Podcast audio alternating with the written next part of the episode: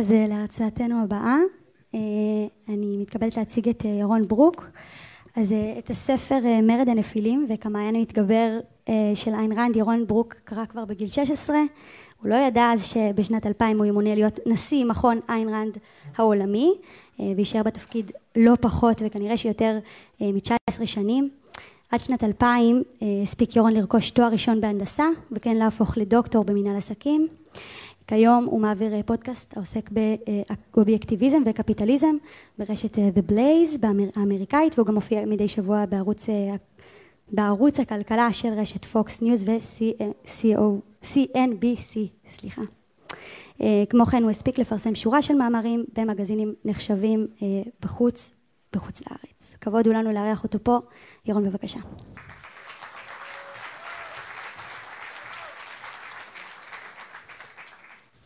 מה העניינים?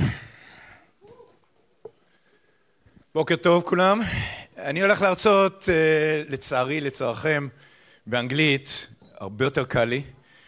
אה, אני יודע שיותר קשה לכם, אבל זה בעיה שלכם. אה, אנחנו יכולים לדבר על אי שוויון. אני הולך להרצות בערך עשרים דקות, ואני אשאיר כמה דקות ל-Q&A, אז לקצת שאלות, לקצת שאלות מהקהל. One of the um, one of the major topics over the last 10 years has been this issue of economic inequality. We're told that economic inequality, the gap between those who might be poor and those who are rich, those who have a little bit and those who have a lot, or the gap between the middle class and the rich, we're told that that gap the difference, the mathematical difference, is the source of all the problems we have in the world. Terrorism, it turns out, according to the New York Times, is caused by economic inequality. Slow economic growth in the Western world is caused, we are told, by economic inequality. The fact that poor people are not rising out of poverty is caused by economic inequality, we are told. And on and on and on. Every economic problem, every social problem is blamed on the gap, on the difference between how much some people make and how much the top 10% or the top 1% make. And indeed, over the last few years in America and in the West, we have demonized the very top 1%, as if they are somehow criminals, as if they are somehow bad people who are exploiting the rest of society, holding back the success of the rest of society because they dared to become billionaires. Alexandria Ocasio Cortez, I don't know how well known she is in, uh, in Israel. Boo, good. All right. You know enough about her to boo. That's good. Alexandria Ocasio Cortez recently said that a society that allows for the creation of billionaires, allows for the creation of billionaires, is by definition an immoral society. Notice that it's not about helping the poor rise up, it's about demonizing the people at the top. And I believe the entire debate about inequality is not about helping those at the bottom. We can talk about what helps those at the bottom. But is indeed about demonizing wealth creators, demonizing the success, demonizing the 1%, the 10%. Depends on who you talk to and how radical they want to be. So, what's behind this whole movement towards uh, inequality or, or the, the, the, the, pretense that inequality uh, matters. And there's a lot of things you can say about this, and we've only got a short period of time. So I want to focus on one particular, uh, one particular aspect of this idea that inequality is a problem. Because one way in which people on the left often describe this problem of inequality, supposed problem of inequality, by the way, as far as I know, and nobody yet has shown me that I'm wrong, there is actually zero economic theory There is no economic theory in existence that would suggest that inequality in and of itself is an economic problem. So this is not an economic issue. How do people make a lot of money? How do you make a lot of money? It's hard for me to see you guys. How do people make a lot? How do you become a billionaire? Anybody know how you become a billionaire? What's that? You start being a trillionaire. Since nobody's ever been a trillionaire, that doesn't work. How do you become a billionaire? You create something. I, you know, I create stuff in my basement. It, it, it you know, never turned into a billionaire. You create value. We all create value. I'm hopefully creating value right now. Believe me, they're not paying me a billion bucks for this. Work hard. I know bricklayers who work hard and they don't make a billion dollars. How do you make a billion? What's that? Luck, right? Some people are just lucky. It's a roulette wheel out there. Really? So you create something that people are willing to pay for. We're on the right track. But you're still not a billionaire because almost everybody creates something that people are willing to pay for. But you have to have scale. What makes people billionaires is that you create something that hundreds of millions of people want. And they want it so much that they're willing to pay you more than it costs you to produce. But it has to be hundreds of millions of people. Now, in doing that, in selling your product to hundreds of millions of people, have you made them better off or worse off? Why? I mean, they gave up money. They're poorer. But why are they willing to pay a thousand? Why am I willing to pay a thousand dollars for my iPhone? Because it's worth what to me? Much more than a thousand dollars. Indeed, this is worth tens of thousands of dollars to me. Don't tell Apple.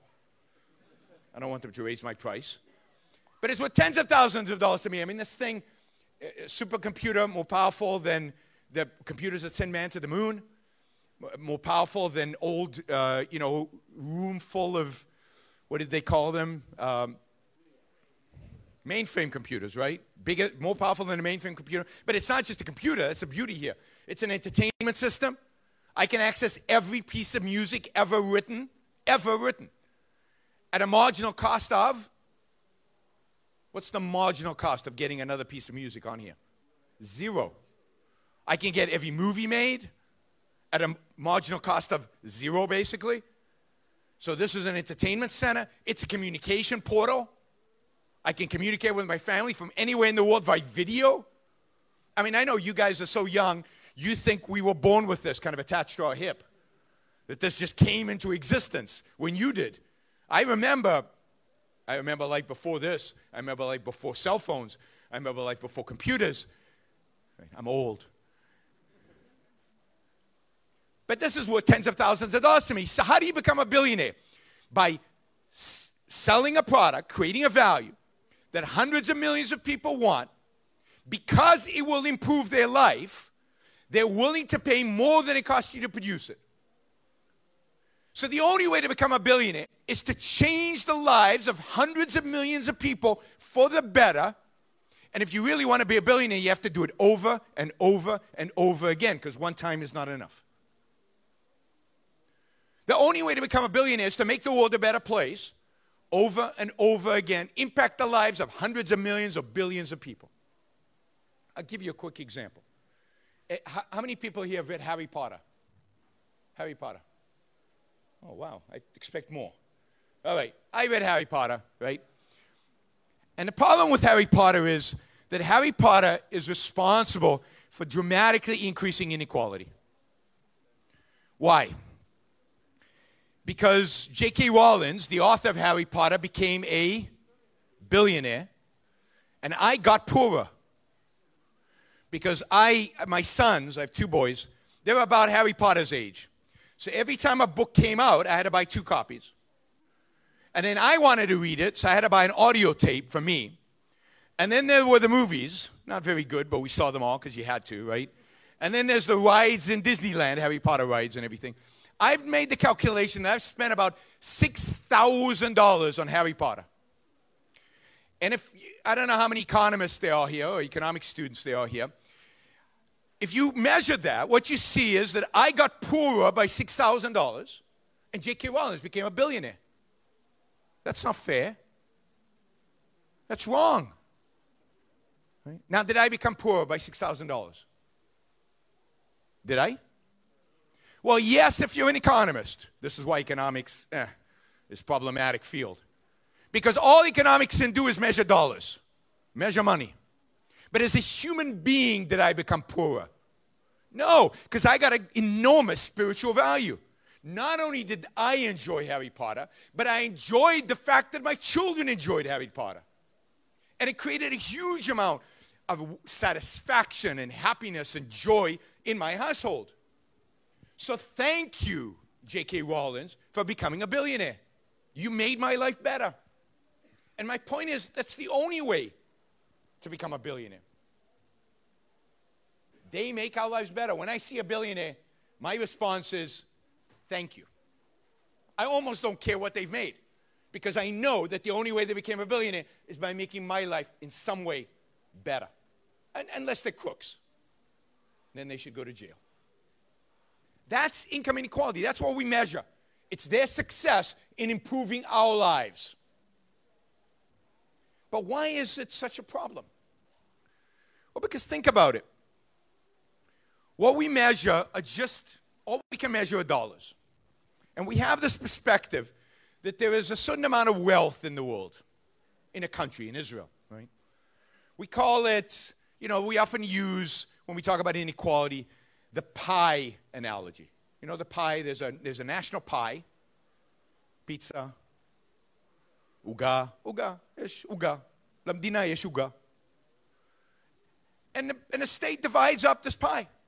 And J.K. Rawlins gets a big piece of the pie, and I get a little piece of the pie. And we think about it pies, we go, well, well that's not fair. Because when, when, when the, you know, when the dad or when a group of friends sit around, you're playing poker, you're playing something, and you bring pizza, the expectation is that everybody gets an equal share of the pie. It's not fair otherwise. Why, why are you getting such a huge piece and I'm getting such a little piece? So we think of this, we think of wealth as this big pie. And then we have to, the people in the government over there, they have to decide how to divide the pie. Yesterday I asked somebody, what is the field, what is economics about? And somebody said, the distribution of wealth, the allocation of wealth. And that's this perspective. There's wealth, a big pie, and now we have to distribute it. And if you just think in those terms, well, the right way to distribute it is to distribute it equally. But what's the problem with this pie analogy? It's finite. Well, wait a minute. There's only, he says there's only, there's only this pie. And, and indeed, what happens to wealth? It, it grows, it gets bigger. So the first problem with the pie analogy is it assumes that wealth is finite.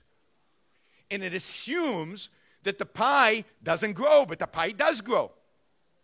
And indeed, the pie grows based on the incentives you provide people and based on how much of the pie I get and how I invest it and what I do with the pie. So the first problem is it's a static pie. It should be an expanding pie. But that's not the real problem with the pie analogy. What's the real problem with the pie analogy? What's the real problem with the pie analogy? What's that?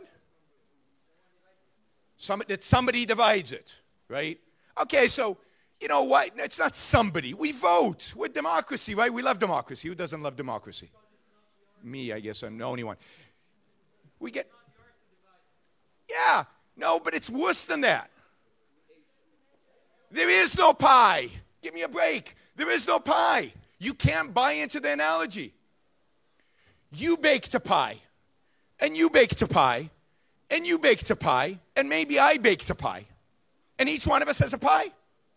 And then some economist or some politicians smushes them all together and says there's a national pie. There's no such thing as national pies. There's no such thing as national wealth. You don't own my pie. Keep your hands off my pie. My pie's particularly delicious.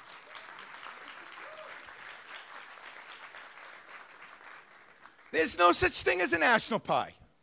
So I did an interview once on inequality with this guy, and we did the interview in a car. He, he does this was for the, the Blaze Network, Glenn Beck's thing. And we're driving around, we, we go to McDonald's and we buy a bunch of pies. I buy some pies, he buys some pies. And then we try to make a national pie. So we squish them all together. And the it was a disaster because the car was filthy and everything went flying all over the place and nobody could eat their pies, right? But that's what economists do.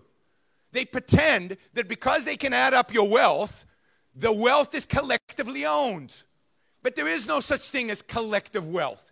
There is no such thing as national wealth. There's no such thing as GDP. There's no such thing as GDP. It's just something economists, because they can do math, they can add and subtract and maybe do a little bit of algebra. God forbid they do more than that. They come up with a number. The, GDP of Israel grew like that. But what does that mean? The only question that matters to you is did your wealth grow? Did you create more wealth? Are your opportunities more? So the problem is that we view economics in collectivistic terms. View, we view wealth as if it's owned by society. We view wealth as if we have it. We don't have anything. I have my wealth. You have your wealth. You have your wealth. You have what you create. We need to shift the way we think about economics away from aggregates, away from collectivization. Economics is not about the allocation of, of resources. Economics is about understanding the process of production and trade among individuals. Only individuals produce. Only individuals trade. Countries don't trade. That's another myth. Like America has America has a trade deficit. Really? Who's America? Anybody here? Israel has a trade. Is it, who's Israel? Is there Israel here? I mean, you have a trade deficit every day with your grocery store. You go buy stuff at the grocery store, you leave your shekel there, and they don't buy anything from you. That's awful. Only individuals trade. Only individuals produce. Only individuals make wealth. And if somebody makes a big pie, if somebody creates a lot of wealth, it's his. It's not mine. I don't get to claim that it's mine because I happen to live in the same country as his. I don't get to claim that it's mine because I happen to be from the same tribe as he is. It's his pie. He created it. He gets to keep it. Keep your damn hands off of his pie and my pie and your pie.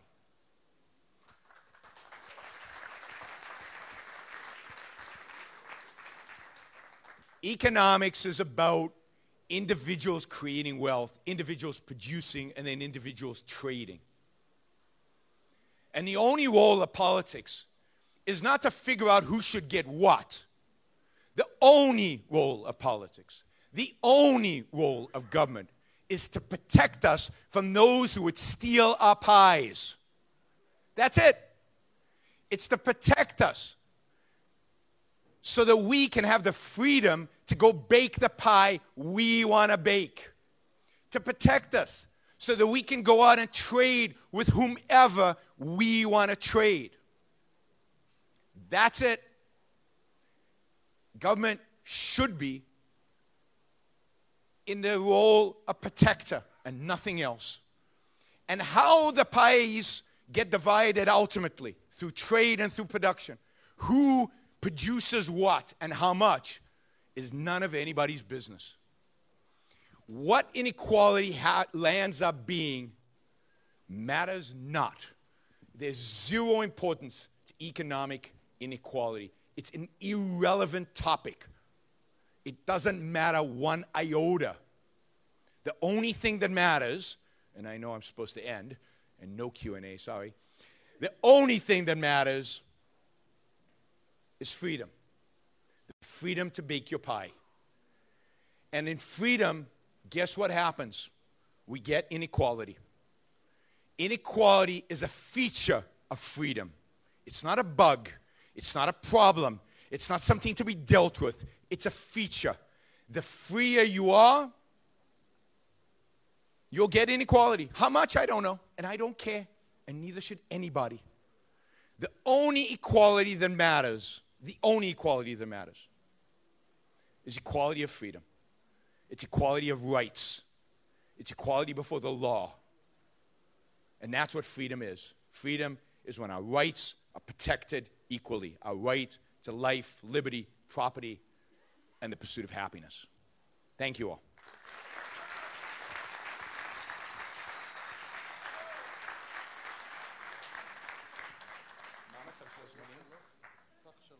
Okay, shelot. You can ask in Hebrew or English. Yes.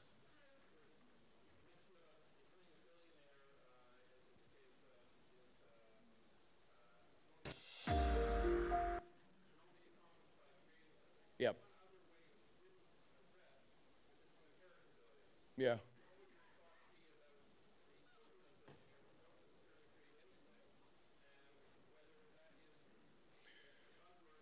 Yeah, so what are my thoughts on the children of billionaires who don't create anything but just get a billion? My thought uh, is it's none of my business. That is, my view is if I'm, whatever I have, I don't have a billion unfortunately, but whatever I have, it's mine. And I can do with as I wish. I can burn it, I can throw it in the garbage, or I can give it to my kids. And if you're a billionaire, maybe giving it to your kids is like burning it, right? But it's your business, it's none of mine. I don't believe in spoiling your kids. I don't believe in giving your kids a lot of money, but it's yours to do with as you will. So I don't believe that we get to decide that it's socially better to, to, to tax that or to redistribute that. That's none of my business. What you do with your money is yours. That's what property rights mean. That's what respecting individuals means. I'm not particularly excited about inheritance because I think it creates problems for the children. I don't think it's good for them. But that's your business, not mine.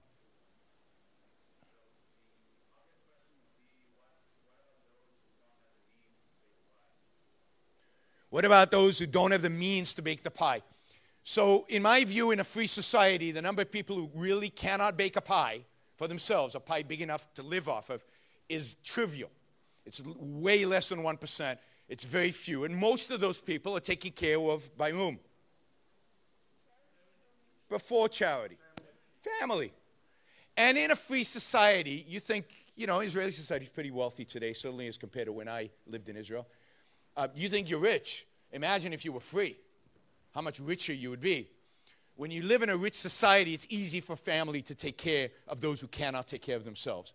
And if the family fails to take care of those who cannot take care of themselves, then those people then depend on charity. They depend on other people. Now, that charity could be forced, called it the welfare state, or it could be voluntary. I'm against force. The role of government is to protect us from force, not to impose that force on us. So, voluntary charity is the safety net.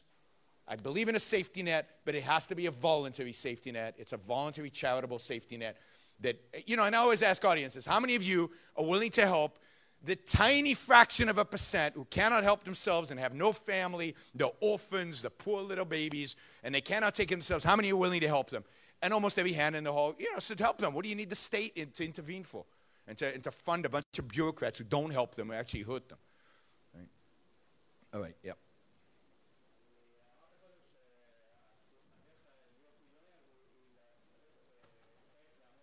Ken.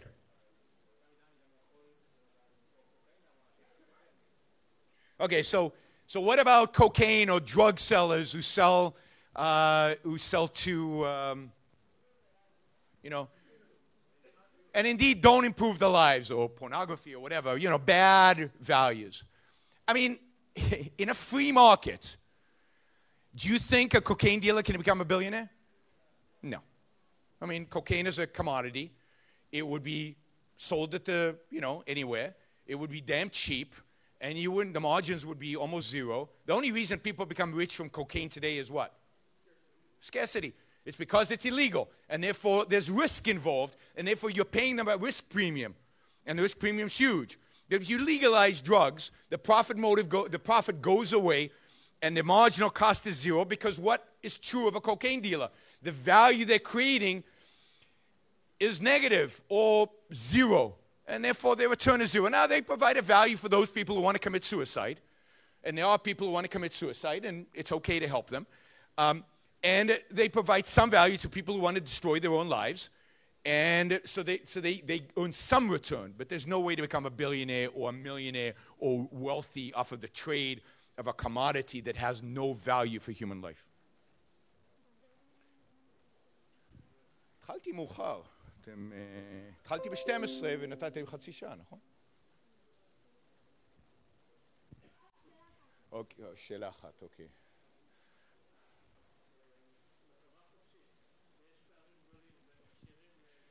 כן.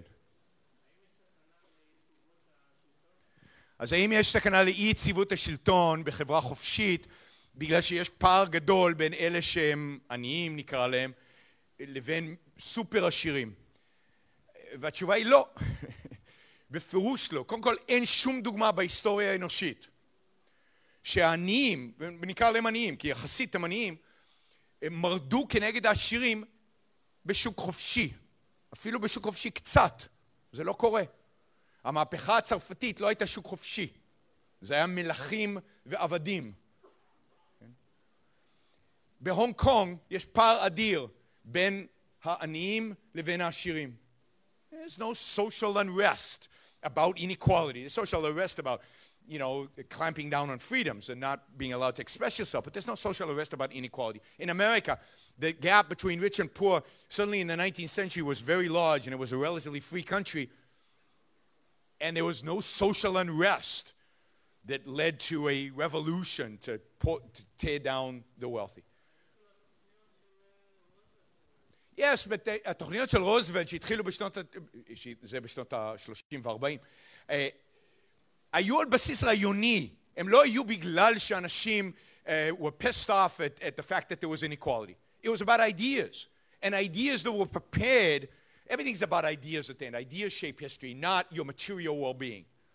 So the ideas that led to Roosevelt and led to the New Deal were the ideas of the progressive movement that started in the 1850s and was slowly injected into American society and slowly worked their way and taught people, just like they do today, taught people to be envious, taught people to hate the wealthy, taught people that the wealthy become wealthy by exploitation, not by value creation.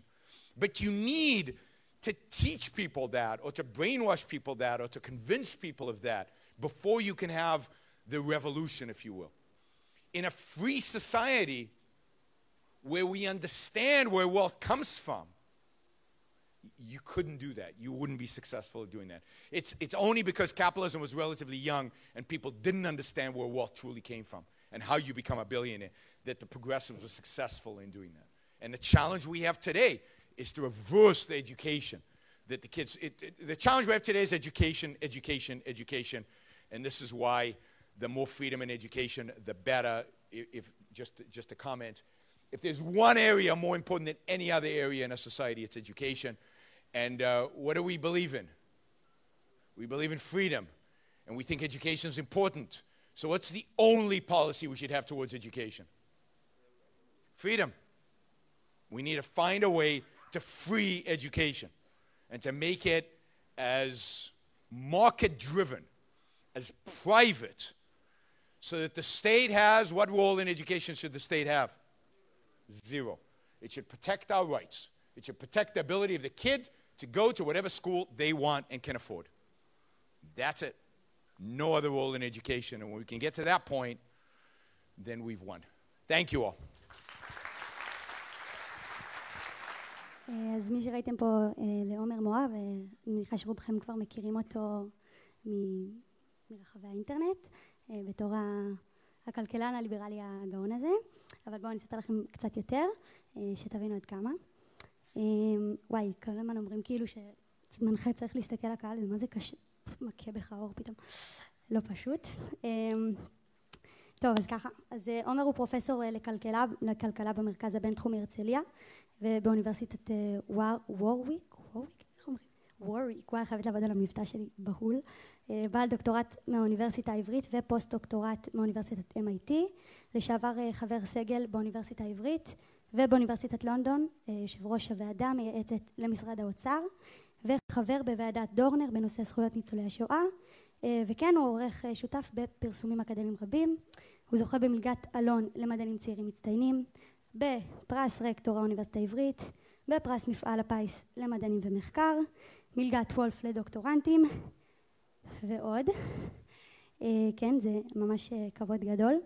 בקיצור, תקשיבו, כדאי, אני סתם חופרת. אה, רגע, כמעט שכחתי, בעברו הוא מזכיר וחבר קיבוץ קליה שבמועצה האזורית מגילות, ותופתעו לשמוע שהוא גם עשה בעברו קורס קוסמות וזכה אפילו בפרס נחשב בתחום. סתם, אחת, אחת משתי העובדות האלה לא נכונות, אני אתן לכם לנחש איזה אחת. מי חושב שהעובדה הלא נכונה היא זו שהוא היה מזכיר חבר קיבוץ קליה? שיצביע. מי ש... מי חושב שהעובדה שהוא היה קוסם היא העובדה הלא נכונה? יפה, אז מכירים אותך טוב. אז זה אירוני לחלוטין, אבל זה, זה המצב, קבלו אותו.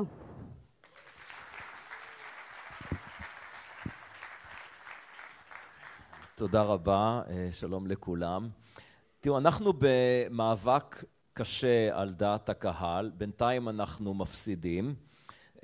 אני רואה לאחרונה ניצוצות של אולי סימני תקווה, אני רואה את התמיכה בזהות כמשהו חיובי, שמעיד על משהו חיובי, אבל אני עוד לא בטוח שזה באמת תמיכה ברעיונות ליברליים, או יותר תמיכה בג'וינט או ג'וינט על הר הבית. אז אני עוד קצת סקפטי. אני גם רואה באופן חיובי את העובדה שכחול לבן סבלו כנראה מזה שהם הוסיפו את ניסנקורן לרשימה שלהם, אבל העובדה שהציבור בישראל סולד מהוועדים החזקים, זה עוד לא אומר שיש סלידה מכל הרעיונות המרקסיסטיים שאנחנו חשופים אליהם כל הזמן. ותראו, נורא קל לעמוד כאן ולהגיד לתת הרצאה ולשכנע את המשוכנעים. זאת המשימה הקלה. המשימה שלנו היא לשכנע את הלא משוכנעים, וזה הרוב המכריע בישראל, והמאבק הוא קשה.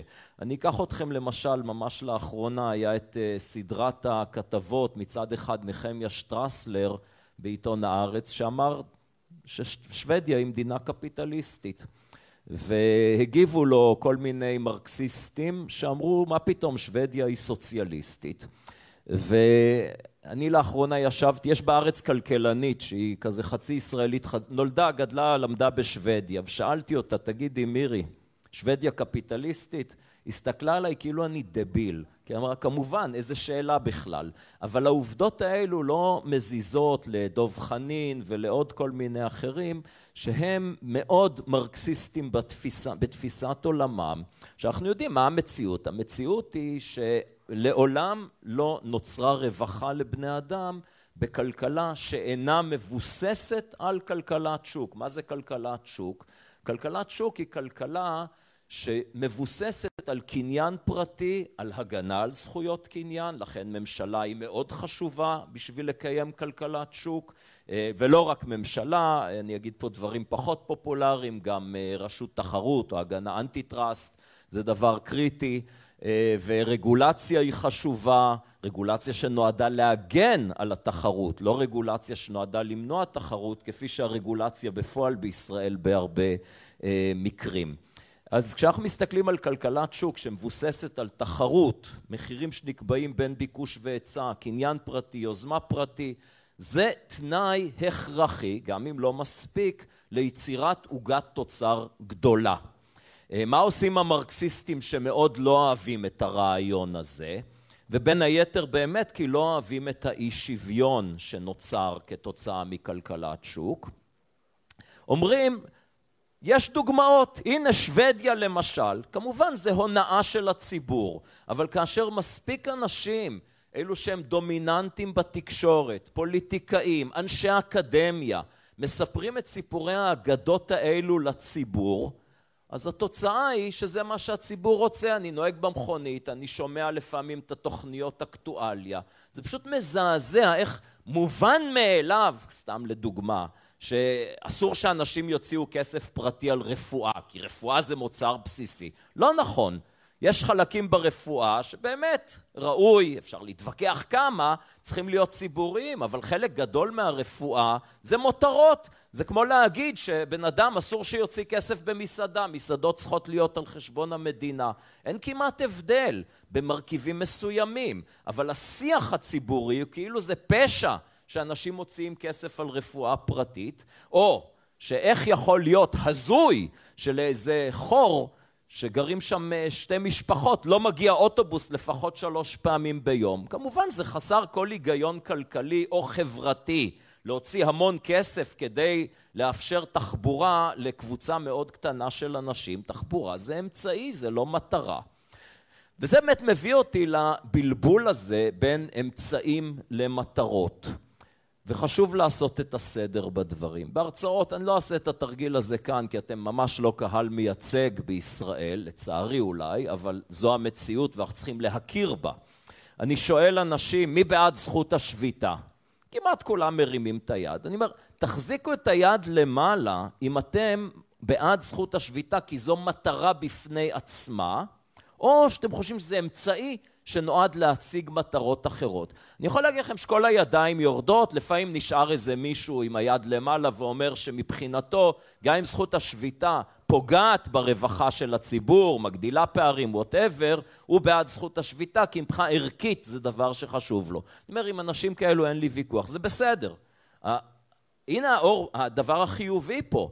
אם אנשים חושבים שזכות השביתה, כפי שהיא בישראל, שהיא מאוד אסימטרית, העובדים יכולים להתארגן ולשבות, למעביד אין כמעט שום אפשרות להתגונן, אה, ואני לא ארחיב על זה את הדיבור על הנזק האדיר של הזכות הזאת, לא רק במגזר הציבורי והעושק של הציבור, אלא ליוזמה הפרטית, לנכונות של אנשים להשקיע כסף, להסתכן וליזום, כשהם יודעים שבחסות החוק הקבוצה של האנשים שהם סיפקו להם פרנסה, העובדים, יכולים לעשוק אותם. זה המשמעות של זכות השביתה בישראל. כמובן שזה פוגע בסוף בעובדים, כי יש בגלל זה פחות השקעה, ובאמת סטטיסטית גם בישראל ההשקעה לעובד היא נמוכה, מהרבה סיבות, אבל בין היתר אה, זאת הסיבה. אבל כפי שאתם רואים, יש פה בלבול בין אמצעים למטרות. אה, כמובן שחלק מזה נובע גם ממה שפרדריק בסטיה היטיב לתאר, מה שרואים ומה שלא רואים. וכשאומרים, כששר אוצר בא ואומר לציבור, הנה אני אתן לכם מתנה, אז אנשים אוהבים לקבל מתנות, כי את המתנה רואים, אבל את המחיר לא רואים. באמת, אני יכול אולי סתם דוגמה מעברי בקיבוץ. יש דוגמה שאני מספר תמיד בהרצאות שלי לקהל הרחב, אז אני לא אחזור עליה כאן, על איך עשינו הפרטה של התצרוכת. אני דוגמה אחרת, ממש אה, אווילית במידה מסוימת, אבל בקיבוץ סקאלי היה, יש כביש היקפי עד היום, אני כבר הרבה שנים לא שם אמנם, ואיזה מין כביש פנימי, שכמובן הוא מאוד צר, משאיות לא יכולות לנסוע בו, ויש פחי האשפה, היו, הגדולים היו על הכביש הפנימי. מה זה עשה? שאחד, שזה לא אסתטי היה, אבל זה עניין של טעם. שתיים, נדרש בן אדם בחצי משרה עם טרקטור כל הזמן להביא אה, פחי אשפה מבפנים החוצה ומבחוץ פנימה. ואני הצעתי כמזכיר קיבוץ, אמרתי בואו נשים את הפחים על הכביש ההיקפי, אז לא נורא, אנשים ילכו עוד 200 מטר. ועברה כהחלטת מזכירות, באמת זה מה שעשינו, אבל הציבור מאוד לא אהב את זה, כי מה? הם ראו עכשיו את זה, את הגזרה. עכשיו הם צריכים ללכת עם השקית זבל עוד 200 מטר, ואת החיסכון התקציבי זה משהו שלא מורגש. כלומר, זה כן מורגש, אבל קשה להצביע עליו, אוקיי? אז בסופו של דבר, אנשים כמחאה המשיכו לשים את השקיות זבל איפה שהפחי אשפה היו, צריכים להיות לטעמם, איפה שהם היו קודם. אה, קיבוץ, כמו שאתם יודעים, הכלבים מסתובבים חופשי, אז תוך אה, כמה שעות, למחרת בבוקר, כל הקיבוץ היה פח אשפה גדול, אה, אבל השארתי את זה כך, ובסופו של דבר אנשים אה, התרגלו לגזרה הזאת, אבל המשיכו לראות את זה כגזרה. והאמת היא שממשלה לא יכולה לחלק מתנות לציבור. כלומר, אנחנו שוב, כאזרחים, אנחנו מסתכלים, או, הנה, נתנו לנו פה איזה הטבה במס. אם אני אחסוך לפנסיה, אני אהנה מאיזושהי הטבה במס, הנה הממשלה לטובתי. לא, הממשלה לא לטובתי, כי ההטבה הזאת במס, כל מה שהיא עושה היא מסרבלת את מערכת המס, היא לא מקלה על מערכת המס, ואנחנו משלמים בסוף את אותו הדבר. בסוף כמה כסף שהממשלה מוציאה, את זה אנחנו, הילדים שלנו, הנכדים שלנו, נשלם. ואם הממשלה רוצה להיטיב איתנו, היא צריכה להתייעל ולקצץ הוצאות, ואז אפשר באמת להוריד את הנטל על הציבור. עכשיו אני רוצה בכל זאת טיפה להגיד דברים פחות פופולריים. כי באמת מה שחשוב זה לא מה אתם חושבים או מה אני חושב, זה מה שחשוב זה מה הקהל הרחב, הציבור הרחב בישראל חושב. וחלק מהתופעות שאנחנו רואים עכשיו הן אה, מזהות בציבור, כך אני סבור, קישור לא סימפטי עם כלכלה חופשית, קישור של קיצוניות, ראינו את זה בדיוק בהרצאה עכשיו של ירון. אז אני מאותם כלכלנים שבגלל שאני יודע לחשב את התוצר אז נדמה לי שזה שייך לכולם. פשוט לא נכון. מה שירון אמר פשוט עובדתית לא נכון. אה, כלכלנים מבינים היטב את ההבדל בין היכולת לחשב את התוצר הגולמי של המשק, שזה מדד חשוב שאפשר ללמוד ממנו הרבה דברים, לבין להגיד זה לא שייך לכלל הציבור. אגב, יותר מזה, כשאני אגיד לכם, טוב, אני לא, לא אגיד לך לביליון דולר, למיליארד דולר בעברית, כן? מאה אלף שקל לחודש. בן אדם שמרוויח מאה אלף שקל לחודש, איך הוא עושה את זה?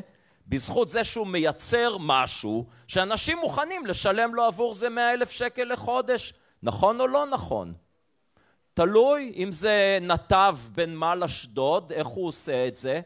בזכות זה שהוא עושק את הציבור בחסות החוק, זה הכל. אז חלק מהאי שוויון הוא לא אי שוויון בגלל שאנשים תרמו משהו, אלא כי הם עשקו את הציבור, וצריך להיות מודעים לעובדה הזאת, ולא כדאי, כמו שירון עשה כאן, לערבב בין טענות נורמטיביות, לאיך רצוי שיהיה, לבין טענות פוזיטיביות על איך העולם עובד. וחלק מהאנשים שעשו עושר לעצמם עשו את זה ביושר, תוך תרומה לחברה, וחלק עשו את זה בגזל מהציבור, וצריך להיות מודעים לעניין הזה. עכשיו אני, בסך הכל, זה קצת מוזר שאני מבקר את ירון, הרי אני פותח כמעט כל הרצאה שלי בזה שאני אומר שמדיניות שמטרתה לצמצם פערים היא מדיניות שגויה. מדיניות כלכלית צריכה להיות מכוונת לרווחת הציבור עם דגש על מי שלמטה. אבל לצמצם פערים כן או לא, לעזור לחלשים, על ידי הגדלת הפריון כמובן, לא על ידי מתן כסף. אני מגיע לאותה מסקנה, מדיניות לא צריכה לעודד לצמצם פערים, זו לא צריכה להיות המטרה, זה לא נכון גם מוסרית וגם לא נכון כלכלית, כי זה בסוף פוגע ברווחה, אבל צריך להכיר בעובדה שמחוץ לעולם הזה אנשים כן מוטרדים מאי שוויון ויש כלכלנים שחושבים שאי שוויון אפילו פוגע בצמיחה הכלכלית. יש מגוון תיאוריות כאלו. אה, אמפירית קשה כמובן למדוד את הדברים. אז מה שאני מנסה להגיד לכם זה שכשאנחנו רוצים לקנות את לב הציבור, וחשוב לקנות את לב הציבור, כי הפוליטיקאים, כמו, כמו שאמרתי בסרטון הקטן שראיתם, מאוד רגישים לדעת הציבור. אני, אני אתן אולי דוגמה אחת, ודאי חלקכם שמעתם אותה, אני אוהב את הדוגמה הזאת, וזו הדוגמה של אה, ממש לפני עשר שנים, כשנכנסתי למשרד האוצר, ואז שר האוצר שטייניץ רצה לקדם, בהנחיה של נתניהו ראש הממשלה, את אה, ביטול המע"מ אפס על פירות וירקות. זוכרים את המקרה, את הסיפור הזה? כן? מה היה בסופו של דבר? נתניהו הנחה את שטייניץ לעשות את זה, בעצתי שטייניץ הלך על הכיוון הזה, בניגוד לעצת יועציו הפוליטיים, שאמרו לו אל תעשה את זה בשום אופן, מה הציבור יחשוב? גזרה. אוקיי? זה לא גזרה על הציבור, להפך, השוואת המע"מ זה מצוין לציבור, זה מגדיל את הרווחה של הציבור. סבסוד או מע"מ מופחת על מוצרים מסוימים זו דרך מאוד לא יעילה לעזור לקבוצה כזאת או אחרת. היועצים הפוליטיים של שטייניץ אמרו לו לא רק שאתה לא, אה, שהציבור לא יעריך אותך וישנא אותך בגלל זה, אלא שגם נתניהו לא ייתן לך גיבוי. והנה תראו מה שקרה, יום לפני קבלת ההחלטה, כשהיה מובטח רוב בוועדת הכספים, זו הייתה החלטה שעוברת. היו עושים פה תיקון של עיוות היסטורי. נתניהו בניגוד מוחלט להבנתו הכלכלית, בלי שום אילוץ קואליציוני, בלי שום לחץ פוליטי, הודיע אני קורא את רחשי לב הציבור ואני יורד מהעניין הזה והנחה את שטייניץ לעצור את אה, הטיפול בביטול המע"מ אפס על פירות וירקות. זה רק מדגים איך, שוב, אני לוקח בכוונה את נתניהו כאדם שברור לגמרי מה האג'נדה הכלכלית שלו, אין לו ספק שהיה נכון לבטל את המע"מ אפס על פירות וירקות ובכל זאת לא רצה שהציבור לא יאהב אותו ואנחנו רואים את זה כל הזמן ולכן חשוב לטפח את הרעיונות אבל לא ליצור שנאה. וקל נורא להפוך אותנו לקריקטורה ברגע שאנחנו אומרים כן אנחנו בעד סמים חופשיים וזנות חינה, חופשית לא חינם חלילה ו, וג'וינטים ופתאום נהיה דימוי ונגד שכר מינימום ונגד מדינת רווחה. בקיצור בואו נעשה את עצמנו מטורפים נקבל פה מחיאות כפיים אחד מהשני ואת הקהל הרחב לא נקנה.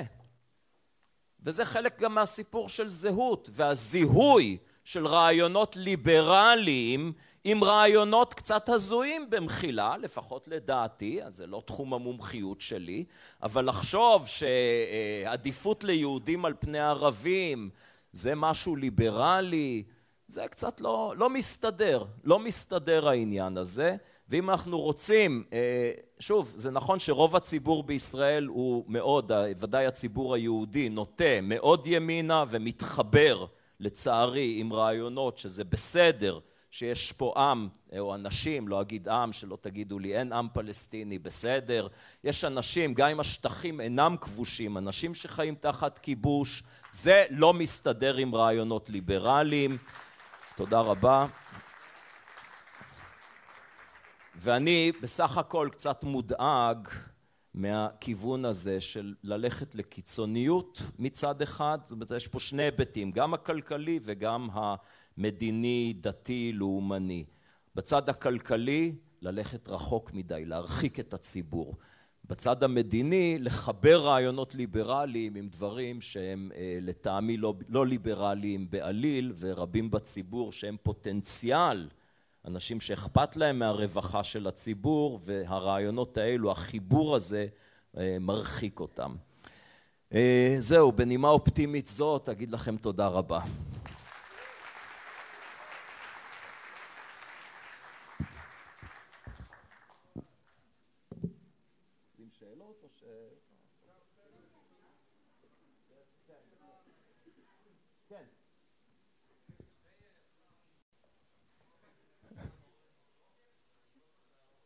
מה, מה, מה, עוד פעם?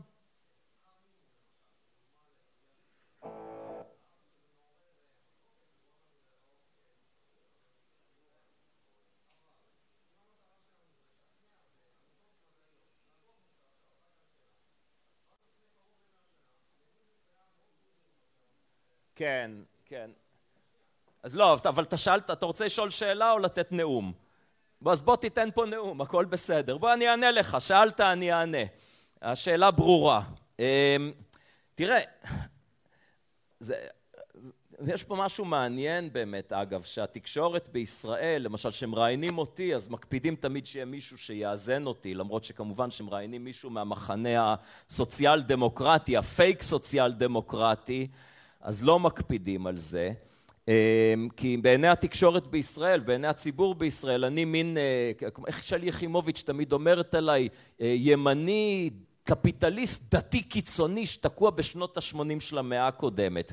אבל אני בסך הכל כלכלן כזה מיינסטרים, כשאני מקשיב לאנשים בשוודיה מדברים, אפילו ארגוני העובדים, אני חושב די דומה להם. רק בישראל זה נחשב ימין קיצוני. שוב מראה את האבסורד של אנשים קוראים לעצמם סוציאל דמוקרטים ומה שהם עושים זה הפוך לגמרי ממה שקורה בשוודיה או בדנמרק. עכשיו לשאלתך, כן, לא רק מיזס, גם מילטון פרידמן ורבים אחרים הסבירו לנו כמה שכר מינימום זה דבר רע, אבל מאז למדנו כמה דברים ויש נושאים שכלכלנים יסכימו איתכם פה עם הקהל הליברלי ללא שום ספק. למשל, אנחנו יודעים שמסחר בינלאומי חופשי מגדיל את הרווחה ולא עושה אבטלה. לעומת זאת, יש ויכוח במחקר הכלכלי, ובמאה השנים האחרונות דברים, למדנו משהו. ולגבי השאלה של מה שכר מינימום עושה, אנחנו לא יודעים את התשובה עדיין, כי תלוי באיזה רמה. ברור לגמרי ששכר מינימום מופרז יוצר אבטלה. ברור לגמרי שכשמעלים את שכר המינימום זה מעלה מחירים, וזה פוגע אולי בחלשים ביותר בחברה. מה שאנחנו לא יודעים שזה מגדיל אבטלה. מדוע? כי אה, בעולם האמיתי, ושוב, אנחנו לא חיים בפנטזיה של שוק תחרותי חופשי, אנחנו חיים במציאות. ובמציאות הכלכלה היא לא חופשית ותחרותית, ויש למעסיקים כוחות מונופסוניסטיים, מעסיק יחיד, או מידה של אסימטריה במידע, שגורמת לזה, גם לפי התיאוריה הכלכלית, לא רק לפי האמפיריקה, שהעלאת שכר המינימום בתחום מסוים יכולה להגדיל תעסוקה. לכן, להגיד שזאת אמת מדעית, זה פשוט לא נכון. עובדתית, לא נכון. עכשיו, איפה... מה, מה בכל זאת אנחנו יודעים? אנחנו יודעים שהציבור חושב שזה כן רעיון טוב להגן על העובדים החלשים בשכר מינימום, וקשה לטעון נגד זה. אז זאת התשובה שלי לשאלתך. בבקשה.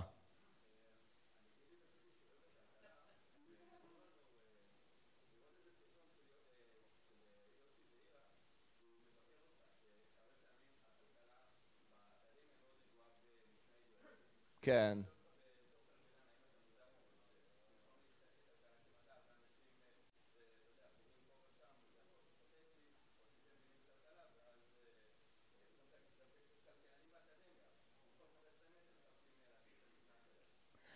כן, אז אה, טוב, את יוסי זעירה גם אני מבקר, זה בסדר, זה הדדי. אה, יוסי זעירה, לאחרונה שמעתי אותו בריאיון אה, ברדיו, בפודקאסט, אומר, שאלו אותו, אז מה ההשפעה של אי שוויון על צמיחה כלכלית? אז הוא אמר, מה זאת אומרת? אי שוויון פוגע בצמיחה הכלכלית, איך אני יודע את זה? באמת, המאמר, גלאור זעירה, זה המאמר המצוטט ביותר בתחום של אי שוויון וצמיחה, למעשה אחד המאמרים המצוטטים ביותר בכלכלה. אה, ואז הוא אומר, יוסי, אה, והמאמר הזה מראה במודל שאי שוויון רע לצמיחה כלכלית. שזאת תשובה מפתיעה מכלכלן, מדוע? כי כלכלנים היום לא יגידו לכם, וזה מתקשר בדיוק, מי זה סמר או פרידמן אמר, כלכלנים לא יגידו לכם, העולם הוא כך וכך, כי מודל אומר את זה.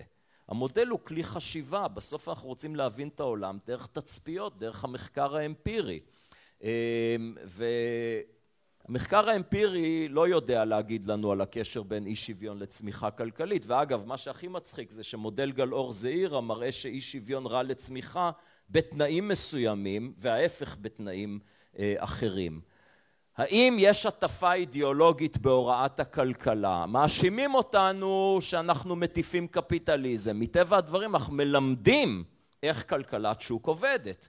כי זה מה שמעניין, זה המקום שאנחנו חיים בו. מה הטעם שאני אלמד אותם איך הכלכלה הסובייטית עבדה? ישבה ועדה ועשתה תכנון, מה זה מעניין בכלל? אולי זה כן מעניין, מה זה רלוונטי? מעניין להבין כלכלת שוק, אבל אם כבר, החשש שלי הוא שאנחנו כמגננה, אנחנו מטיפים לכיוון האחר. ואני אתן פה דוגמה, ואני חושב שבזה אני אסיים לפני שיכעסו עליי.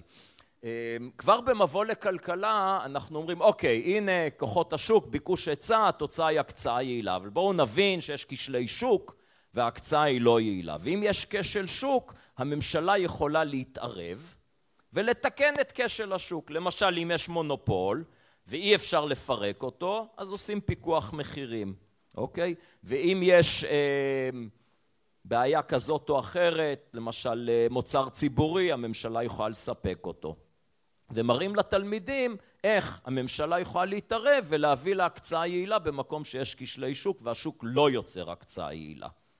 פה אני טוען שאנחנו מוליכים את התלמידים שולל, כי התשובה האמיתית היא שאולי הממשלה יכולה לשפר משהו, אבל האם הממשלה יודעת לעשות את זה בכלל? האם היא תפעל בצורה יעילה? ובסופו של דבר, כשסטודנטים אומרים, אם יש כשל שוק אז צריך התערבות ממשלה, מסקנה שגויה. המסקנה הנכונה, אם יש כשל שוק, זה תנאי הכרחי אבל לא מספיק להתערבות ממשלתית. צריך לשאול האם ההתערבות תועיל, אולי היא תזיק יותר ממה שתועיל. אוקיי, אז זה רק דוגמה, ואני חושב שכמובן אה, כשמלמדים היום מבוא לכלכלה, את המוד... מיד את המודל הקיינסיאני, אתם אחר כך שומעים כל מיני כלכלנים, כולל פרופסורים לכלכלה, אה, ירון זליכה כזה למשל, שמסבירים לנו שהדרך לצמיחה כלכלית זה על ידי זה שנוציא יותר כסף על צריכה, הבל מוחלט, אבל אני לא אפרט. מי שרוצה מוזמן לקרוא את המאמר הנפלא שלי שמבקר את ירון זליכה תחת הכותרת פרופסור עומר מואב מנסה לבקר את טענות זליכה, להפריך את טענות זליכה, המילה מנסה מיותרת לחלוטין אבל זה מראה לכם את ההטייה של, אה, של התקשורת הישראלית. תודה רבה.